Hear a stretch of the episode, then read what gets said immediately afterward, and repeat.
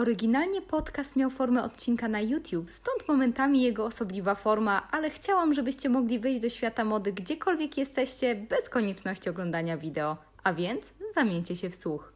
Cześć!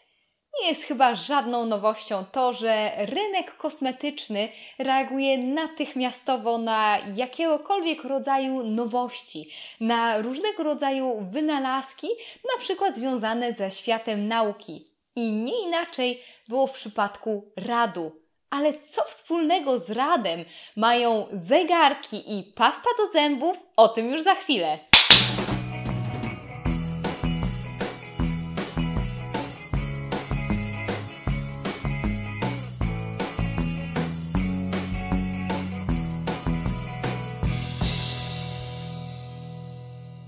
Kiedy w roku 1898 Maria Skłodowska-Curie i Piotr Curie wynaleźli rad, zapewne nie spodziewali się, że przez pewien czas ten pierwiastek znajdzie bardzo ważne miejsce w kobiecych kosmetyczkach. Krótko mówiąc, świat w pewnym momencie oszalał na punkcie właściwości przypisywanych Radowi, ponieważ miał on stanowić remedium na niemal wszystko, od impotencji i wypadania włosów po na przykład odmładzanie skóry.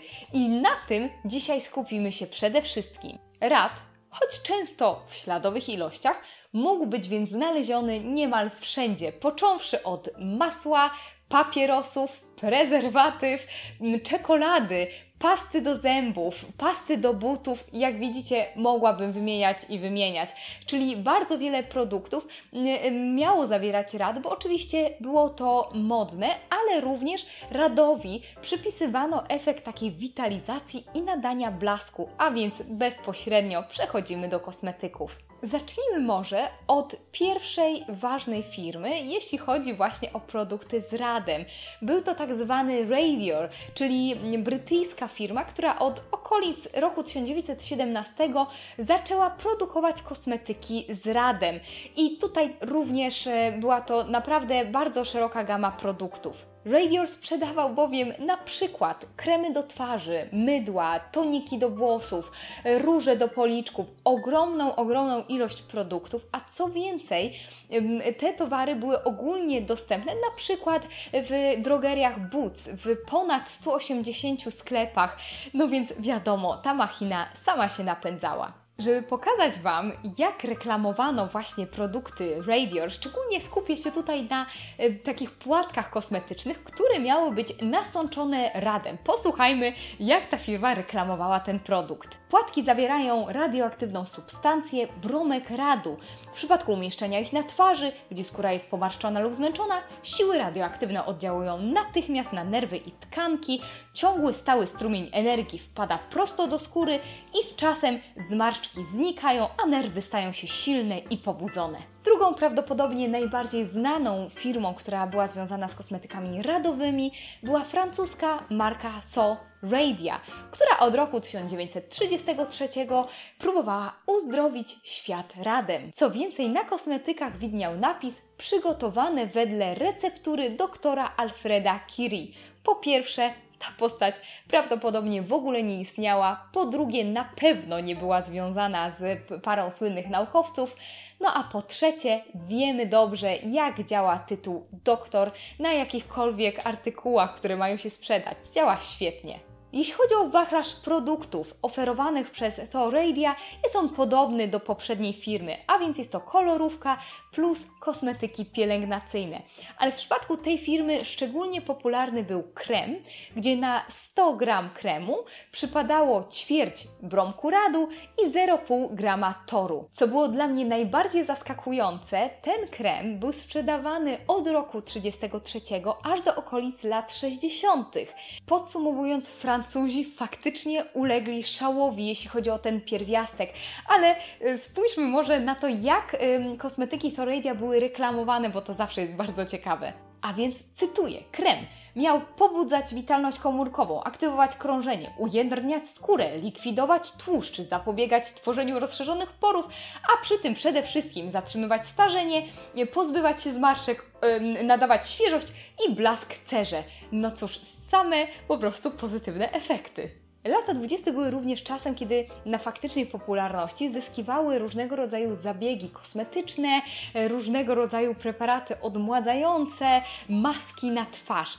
I tutaj warto wspomnieć o tak zwanej masce Chemolite. Otóż Chemolite miało być błotną, radioaktywną, upiększającą plazmą, która rzekomo była pobierana aż z Karpat i była faktycznie popularnym zabiegiem, e, który miał oczywiście ponownie nadawać skórze blasku i ją odmładzać. Tamten czas był więc idealnym momentem na żer dla ludzi, którzy chcieli zarobić na ludzkiej naiwności, ponieważ nie istniały wówczas żadne przepisy, które regulowałyby bezpieczeństwo tych kosmetyków i faktycznie wymagałyby odpowiednich testów przed wypuszczeniem ich na rynek. Moda na kosmetyki z radem idealnie obrazuje to, jak kosmetyczny rynek natychmiastowo reaguje na wszelkiego rodzaju nowinki i próbuje nam je sprzedać, nawet jeśli nie ma pewności co do ich działania, a my, no cóż, chętnie po nie sięgamy. Choć kosmetyki z radem nie zawierały śmiertelnych dawek tego pierwiastka, wciąż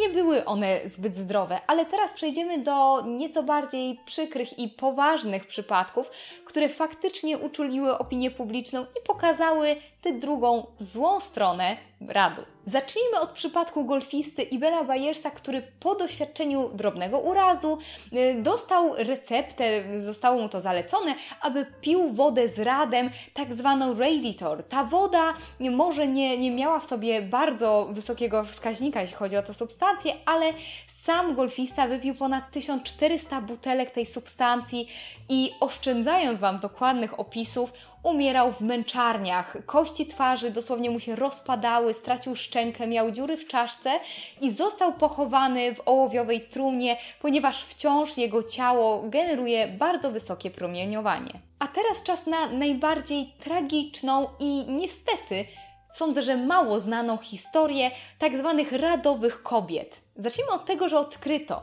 że siarczek cynku połączony z radem powoduje fluorescencyjność, a więc było to na przykład szczególnie ważne, jeśli chodzi o zegarki, gdzie na cyferblacie można było zaznaczać wskazówki oraz godziny tak, aby wszystko było widoczne nawet w ciemnościach. Doświadczenia I wojny światowej sprawiły, że amerykański rząd zlecił przygotowanie nowych zegarków właśnie z fluorescencyjną farbą dla swoich żołnierzy. Firma US Radium Corporation otrzymała kontrakt od armii na wytwarzanie właśnie tego typu zegarków.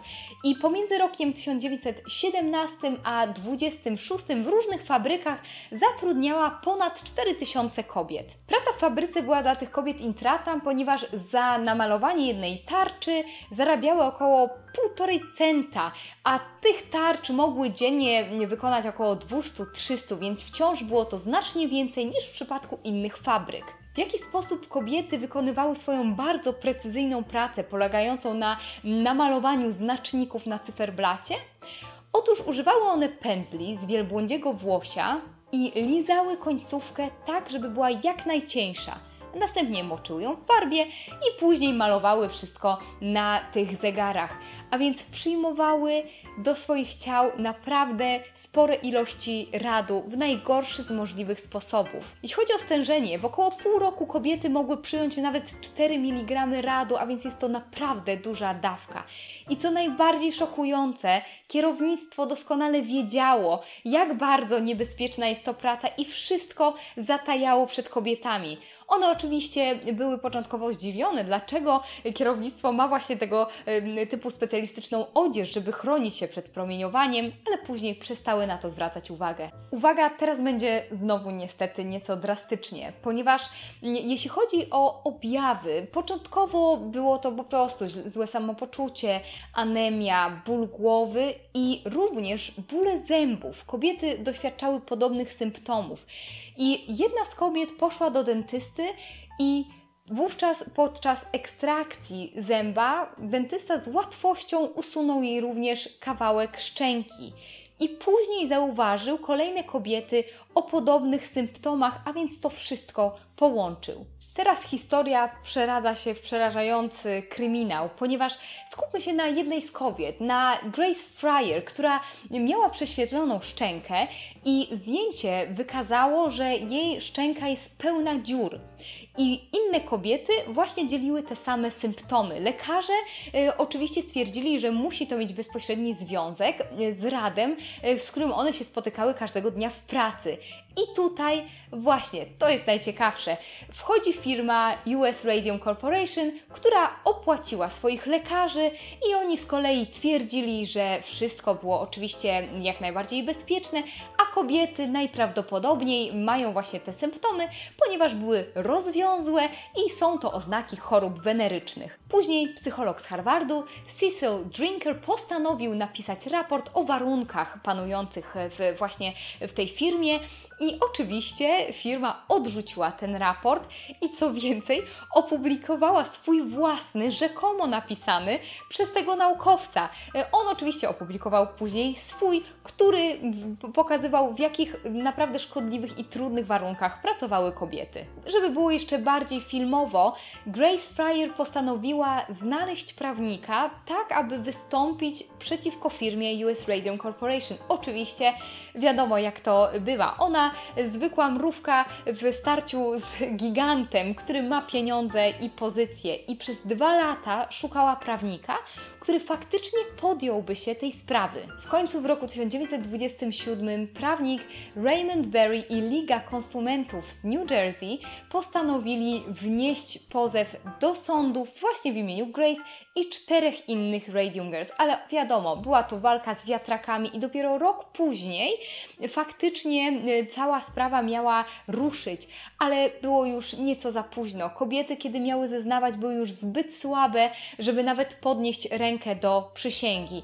I finalnie zakończyło się ugodą. Każda z kobiet otrzymała po 10 tysięcy dolarów, zwrot kosztów procesu, kosztów leczenia, jak i również miały dostawać 600 dolarów rekompensaty rocznie, ale Cóż to było tak naprawdę? Kobiety wiedziały, że umrą i ostatnia z nich, jeśli chodzi o ten proces, zmarła w roku 33, a ile innych kobiet ucierpiało w związku właśnie z, z tą firmą, z tą fabryką, ciężko jest oszacować, ale prawdopodobnie liczba była znacznie, znacznie większa. Mówiąc cynicznie, ich śmierć nie poszła na marne, ponieważ w roku 1949 Kongres Stanów Zjednoczonych pochylił się nad ustawą, która dotyczyła właśnie chorób zawodowych w wielu miejscach pracy. Jestem ciekawa, co sądzicie o historii radowych kosmetyków i o radowych dziewczynach. Być może widzicie podobne zagrożenia we współczesnych kosmetykach. Koniecznie dajcie mi znać w sekcji komentarzy. Każdy komentarz czytam, na każdy staram się odpisywać i już teraz zapraszam Was do subskrybowania kanału i do obserwowania mojego konta na Instagramie, bo tam często mówię, co u mnie słychać. Do zobaczenia!